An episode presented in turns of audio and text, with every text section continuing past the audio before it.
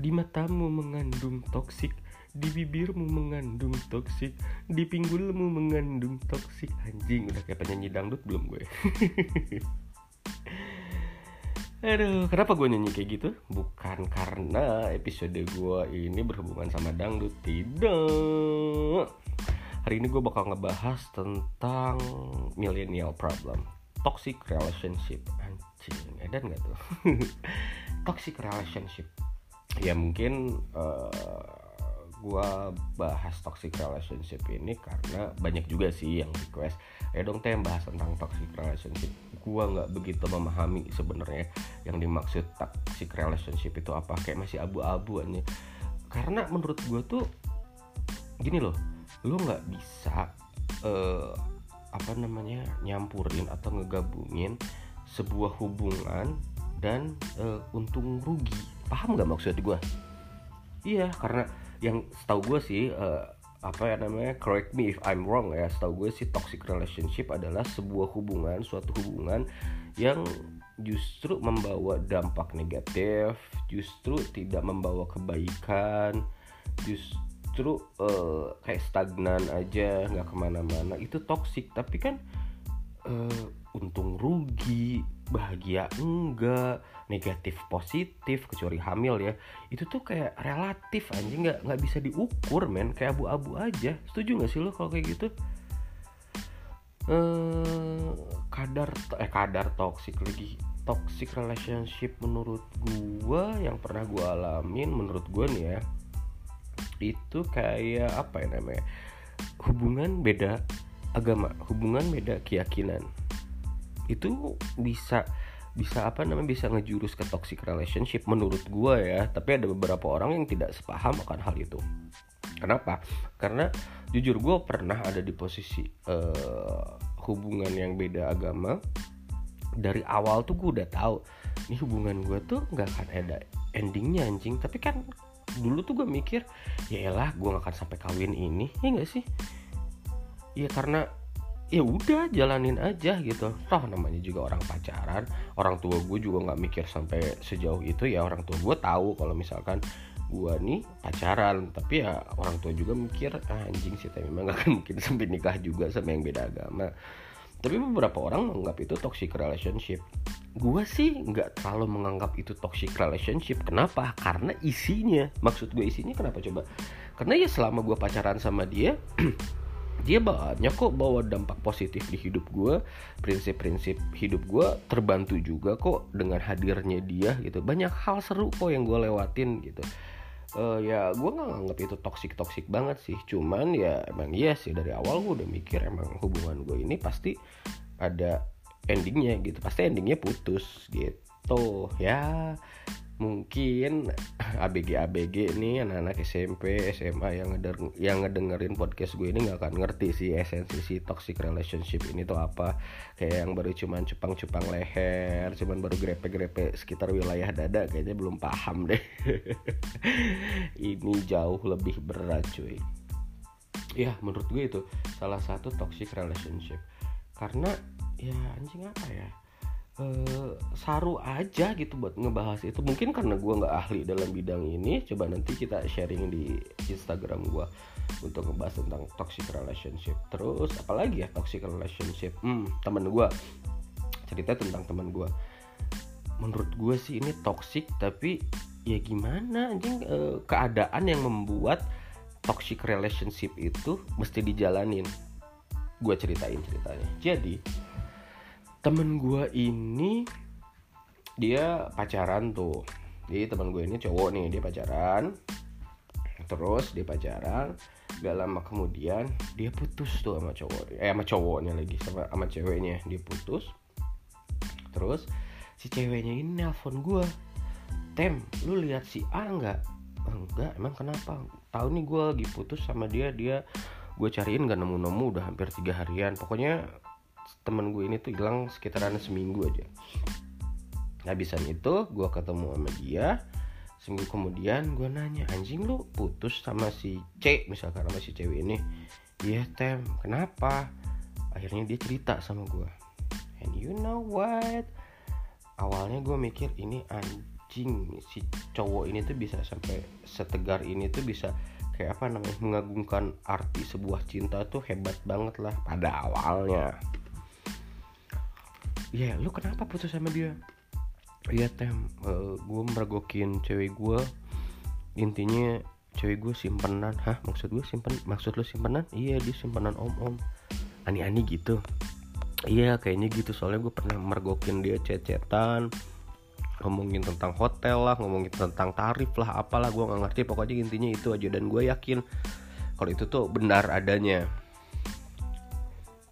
anjing uh, eh, gue tuh mikir anjing sehebat ini loh konflik dalam percintaan. Udah kayak gitu nggak lama kemudian karena gue cuman sebagai sampah doang kan kayak gue cuman sebagai pendengar doang gue nggak bisa ngasih solusi karena uh, ya itu mah urusannya dia gitu. Karena lingkungan gue juga banyak anjing yang kayak ani-ani atau enggak cowok kalau cowok apa ya namanya? Ano-ano yang kayak gitulah pokoknya banyak. Tapi ya I don't give a fuck. Kayak ya udah itu urusan hidupnya mereka. Mau hidupnya bagaimana asalkan nggak merugikan gua ya bebas-bebas aja toh.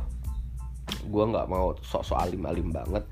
Jadi ya udahlah gitu. Nah gak lama kemudian mereka itu balikan.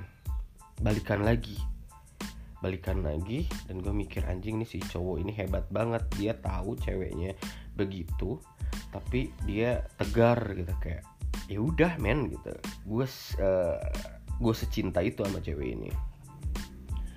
Dan si cewek ini tiba-tiba curhat sama gue cerita sama gue biasa kan kalau pengaruh alkohol biasanya cewek-cewek curcol tuh suka ngocor tuh dan in a moment gue pergi sama dia dugem gitu. Purely ya gue sahab eh gue temenan nggak nggak sampai gue pakai-pakai juga cing pokoknya uh, in a moment dia ketemu sama gue eh janjian si janjian di klub ngobrol minum. Nah dia curhat tuh si cewek ini yang curhat.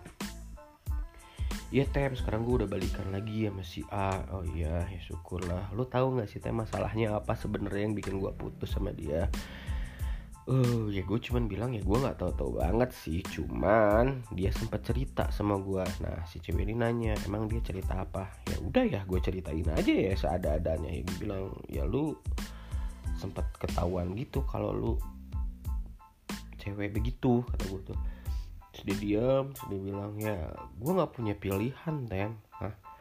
ya dalam hati gue sih manusia itu ditakdirkan sama Tuhan untuk mempunyai pilihan dalam hidupnya ya either lo mau pilih yang baik atau buruk ya terserah manusianya kan. Terus oh ya udah.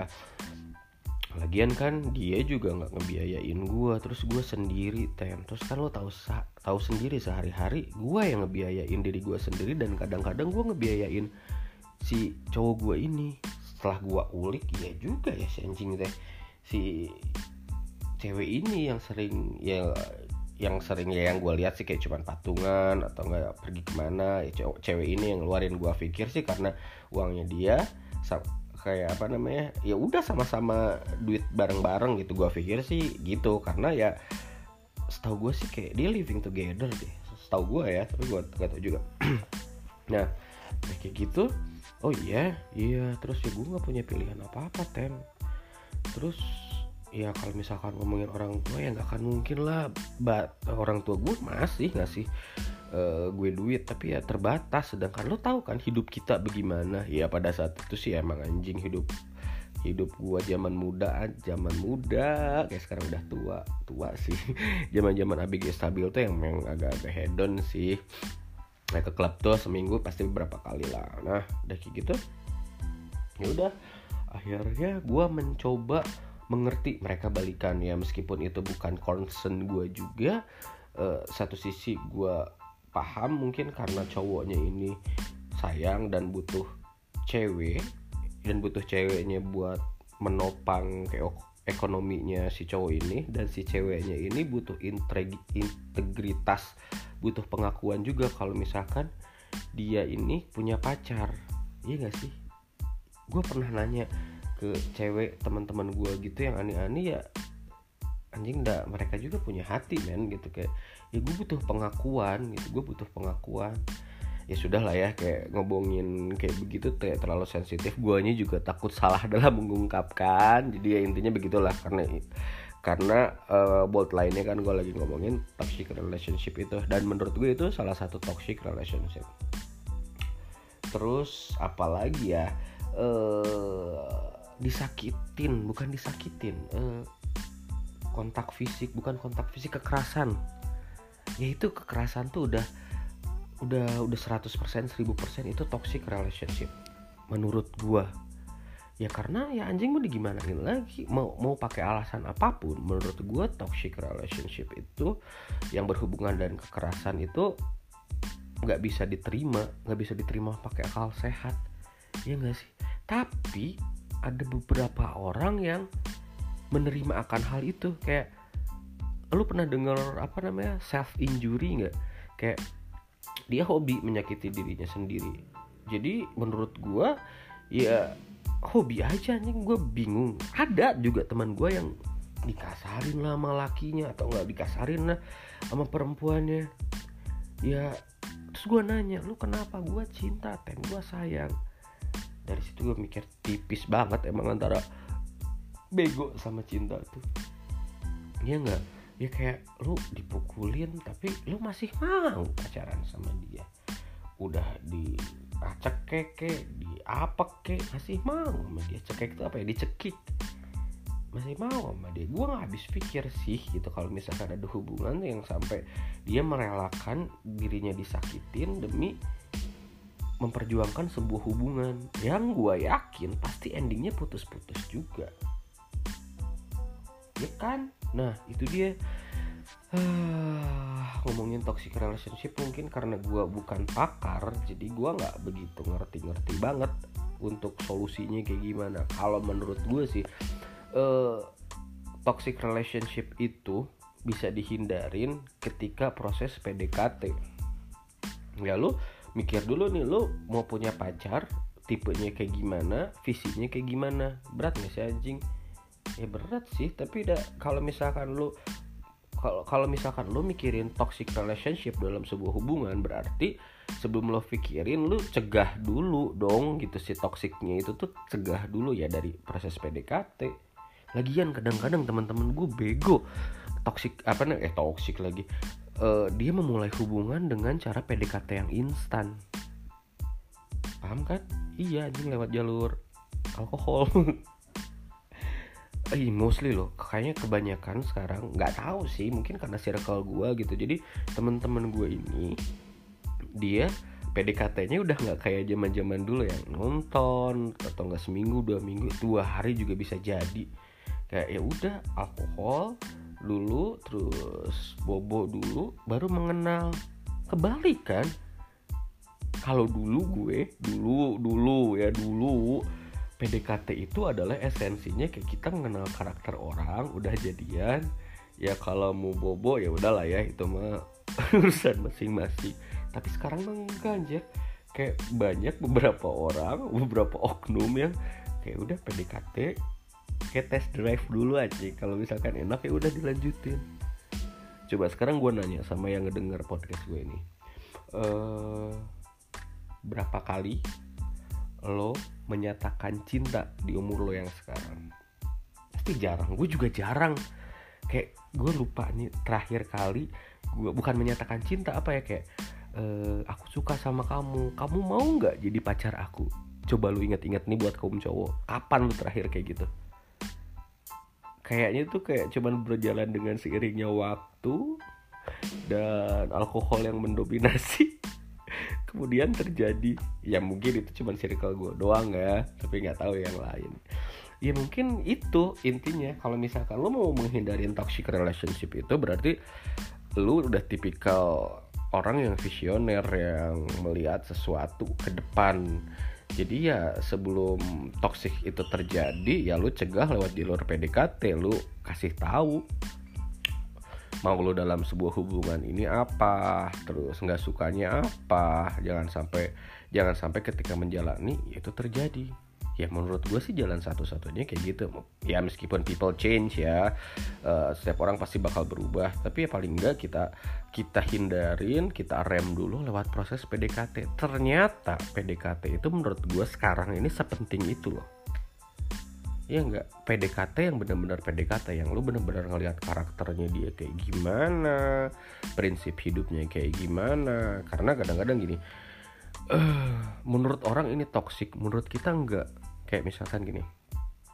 Si cewek ini emang orientasinya dia itu dia pengen eh apa namanya kayak dia pengen bikin usaha A B C D F G. Kayak dia bener-bener uh, orangnya entrepreneur banget lah. Sedangkan si uh, cowok ini dia misalkan seniman banget gitu. Kayak dia mau menghasilkan karya tuh harus nunggu mood dulu gitu. Dia bertolak belakang kan. Tapi sebenarnya ya menurut orang-orang ya dia tuh toxic. Dia tuh nggak bisa support ceweknya buat usaha. Ya nggak bisa disalahin juga anjing. Karena hobinya beda. Karena uh, concernnya dia beda. Yang satu seni uh, yang tujuannya mungkin memang menghasilkan uang. Tapi yang lewat jalur yang lain yang nggak terlalu ambisius. Yang satu uh, entrepreneur banget. Yang usaha usaha usaha banget. Yang nggak bisa disalahin juga ya makanya itu PDKT itu penting buat menghindari toxic relationship. Menurut gue gue nggak tahu ya menurut kalian kayak gimana. So ya yang buat kemarin nanya-nanya di Instagram story gue si masalah si toxic relationship ini penjelasan dari gue kayaknya cuma 17 menit doang cukup. Kalau lama-lama sejam capek gue ngomongnya. Pertama capek kedua juga lo yang nggak dengerin juga pasti bakal males. Ya nggak sendok pop mie ya wes. Kalau misalkan ada pertanyaan seperti biasa nanti lo DM aja ke Instagram gue Temi Iljang. Oke okay, semuanya. Temi Iljang sending out.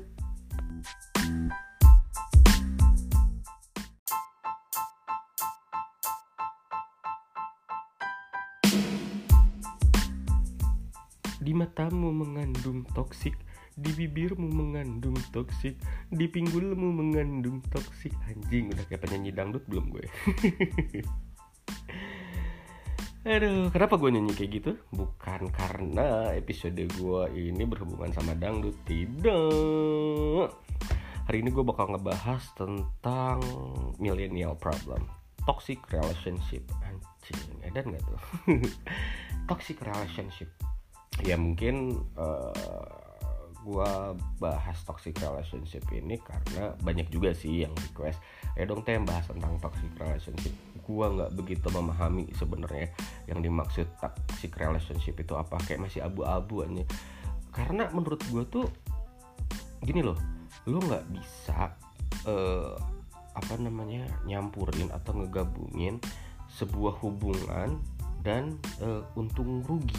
Paham nggak maksud gue iya karena yang setahu gue sih uh, apa ya namanya correct me if I'm wrong ya setahu gue sih toxic relationship adalah sebuah hubungan suatu hubungan yang justru membawa dampak negatif justru tidak membawa kebaikan justru uh, kayak stagnan aja nggak ke mana-mana. Itu toxic tapi kan uh, untung rugi bahagia enggak negatif positif kecuali hamil ya itu tuh kayak relatif anjing nggak nggak bisa diukur men. Kayak abu-abu aja. Setuju nggak sih lo kalau kayak gitu?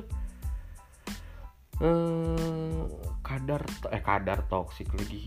Toxic relationship menurut gua yang pernah gua alamin menurut gua nih ya itu kayak apa ya namanya?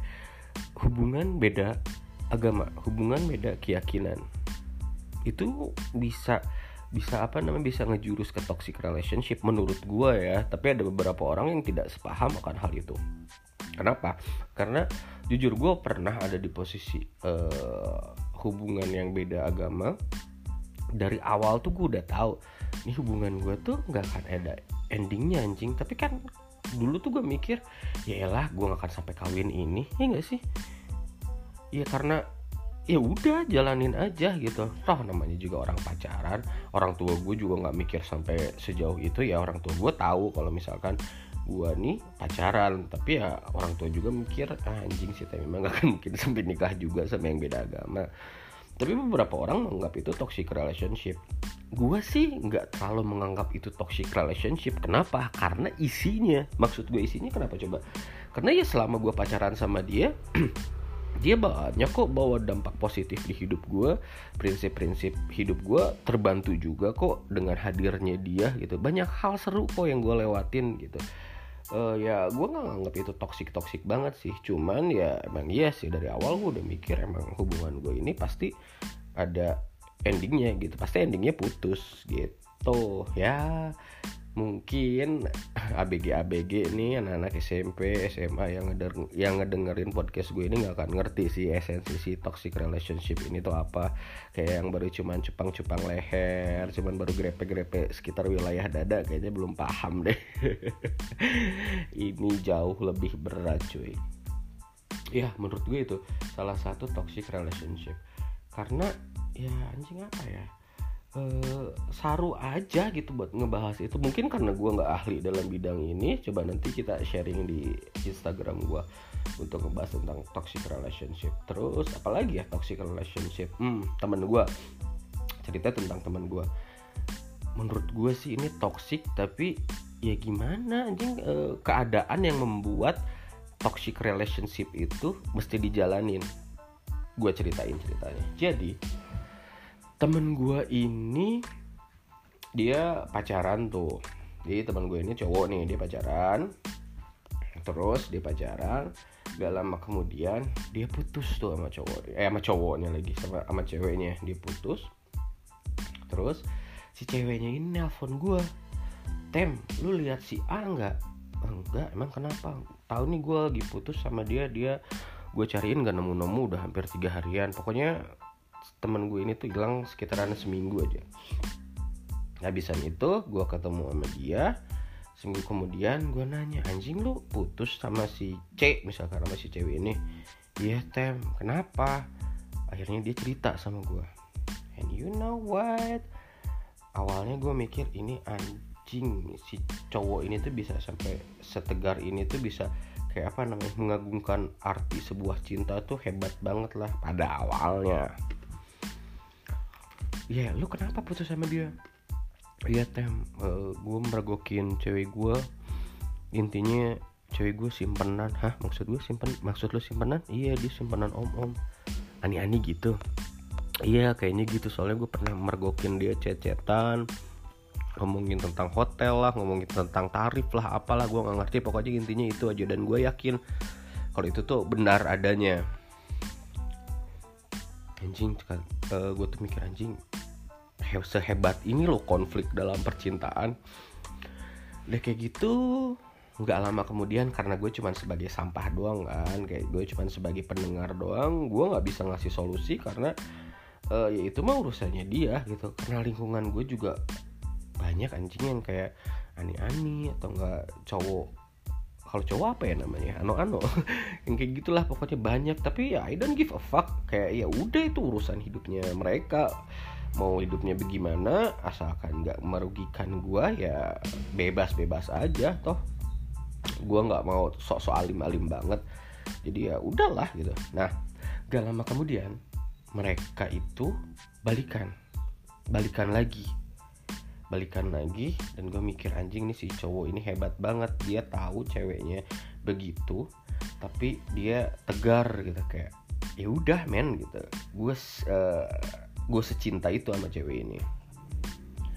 Dan si cewek ini tiba-tiba curhat sama gue cerita sama gue biasa kan kalau pengaruh alkohol biasanya cewek-cewek curcol tuh suka ngocor tuh wuh nah in a moment gue pergi sama dia dugem gitu. Purely ya gue sahab eh gue temenan nggak nggak sampai gue pakai-pakai juga cing pokoknya uh, in a moment dia ketemu sama gue eh janjian si janjian di klub ngobrol minum. Nah dia curhat tuh si cewek ini yang curhat.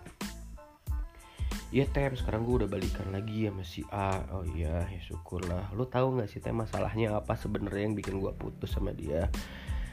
Uh, ya gue cuman bilang ya gue nggak tahu-tahu banget sih. Cuman dia sempat cerita sama gue nah si cewek ini nanya emang dia cerita apa? Ya udah ya gue ceritain aja ya seada-adanya. Ya gue bilang ya lu sempat ketahuan gitu kalau lu cewek begitu kata gue tuh. Terus dia diam terus dia bilang ya gue nggak punya pilihan tem. Hah? ya dalam hati gue sih manusia itu ditakdirkan sama Tuhan untuk mempunyai pilihan dalam hidupnya. Ya either lo mau pilih yang baik atau buruk ya terserah manusianya kan.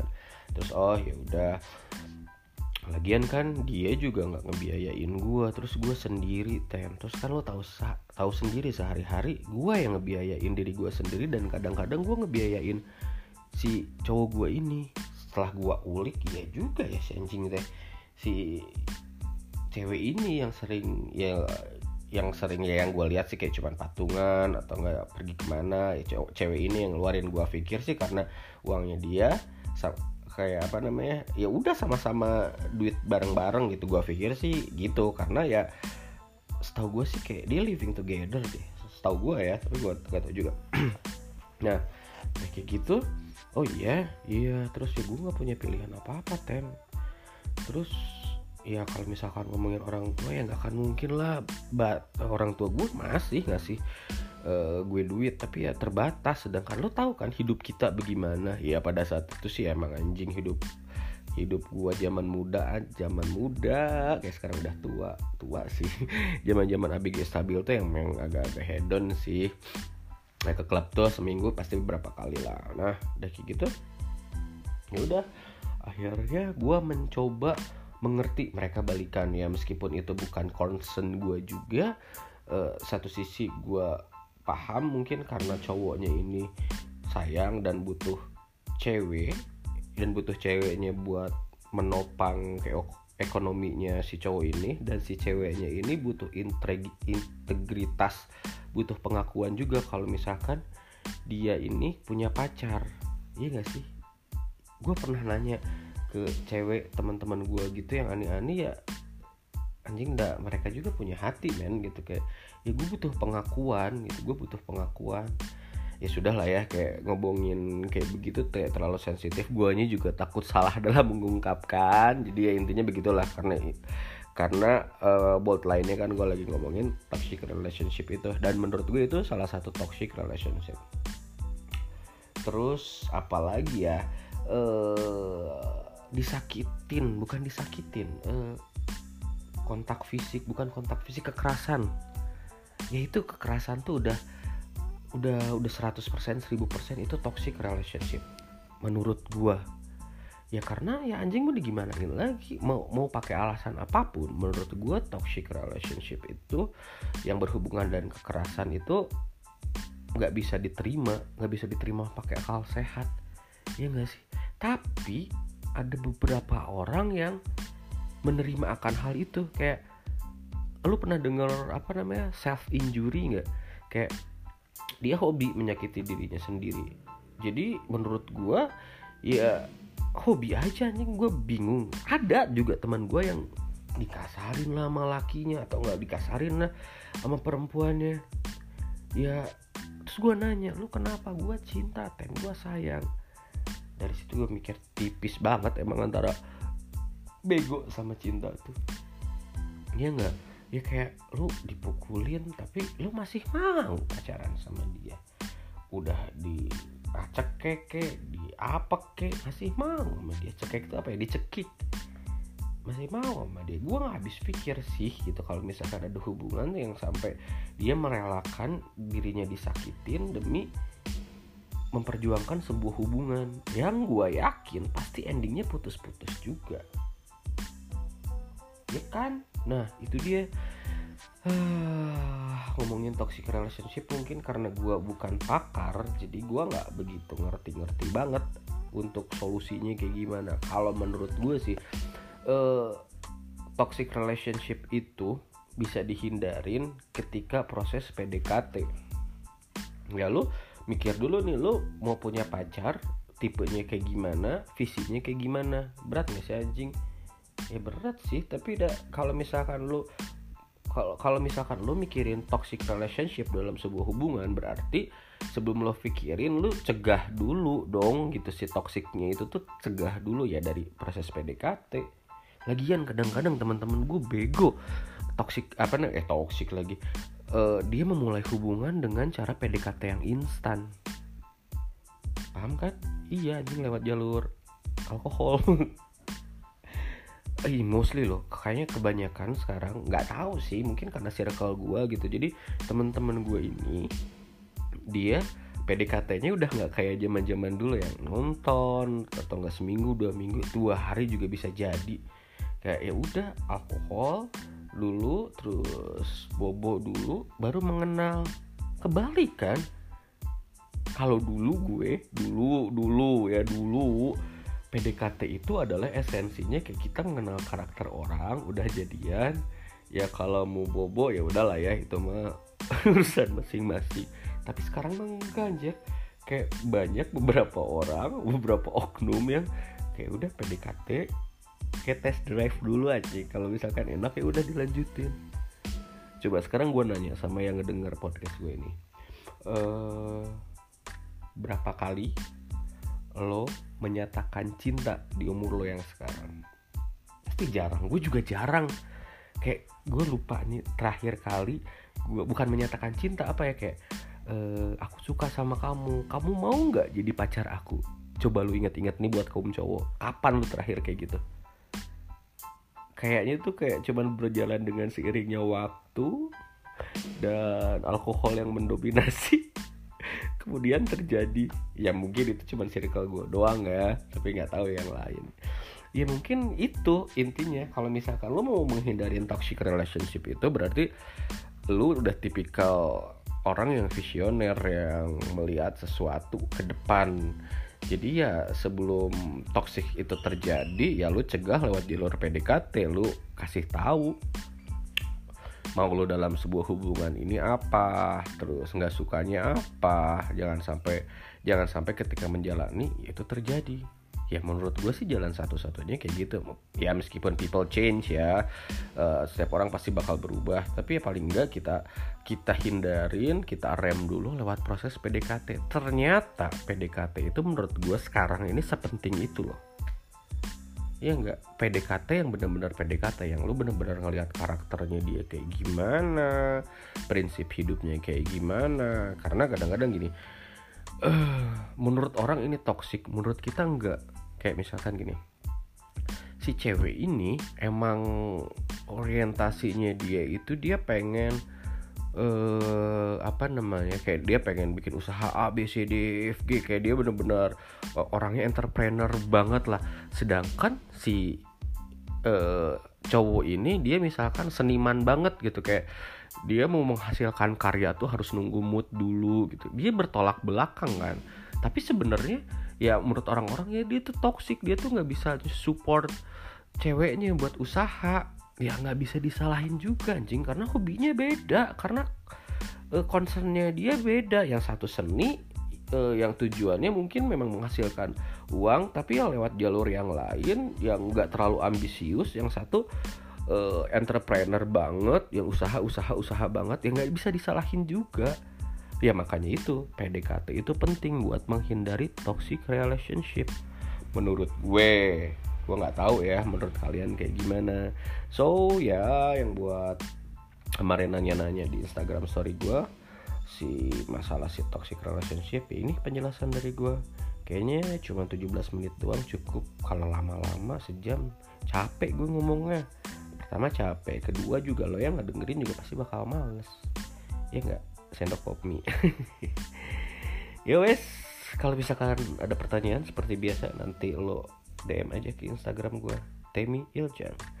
Oke semuanya. Temi Iljang sending out